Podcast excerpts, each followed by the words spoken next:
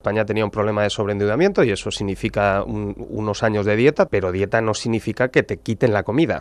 O sea, tú no puedes pasar de un, de un mundo de extrema accesibilidad al crédito como tenía España en el 2006 a un mundo de extrema restricción como el que tenemos ahora. Eso no hay ninguna economía que se pueda adaptar. Por lo tanto, lo que debería hacer la política económica, y aquí entra el BCE y Europa, es suavizar eso,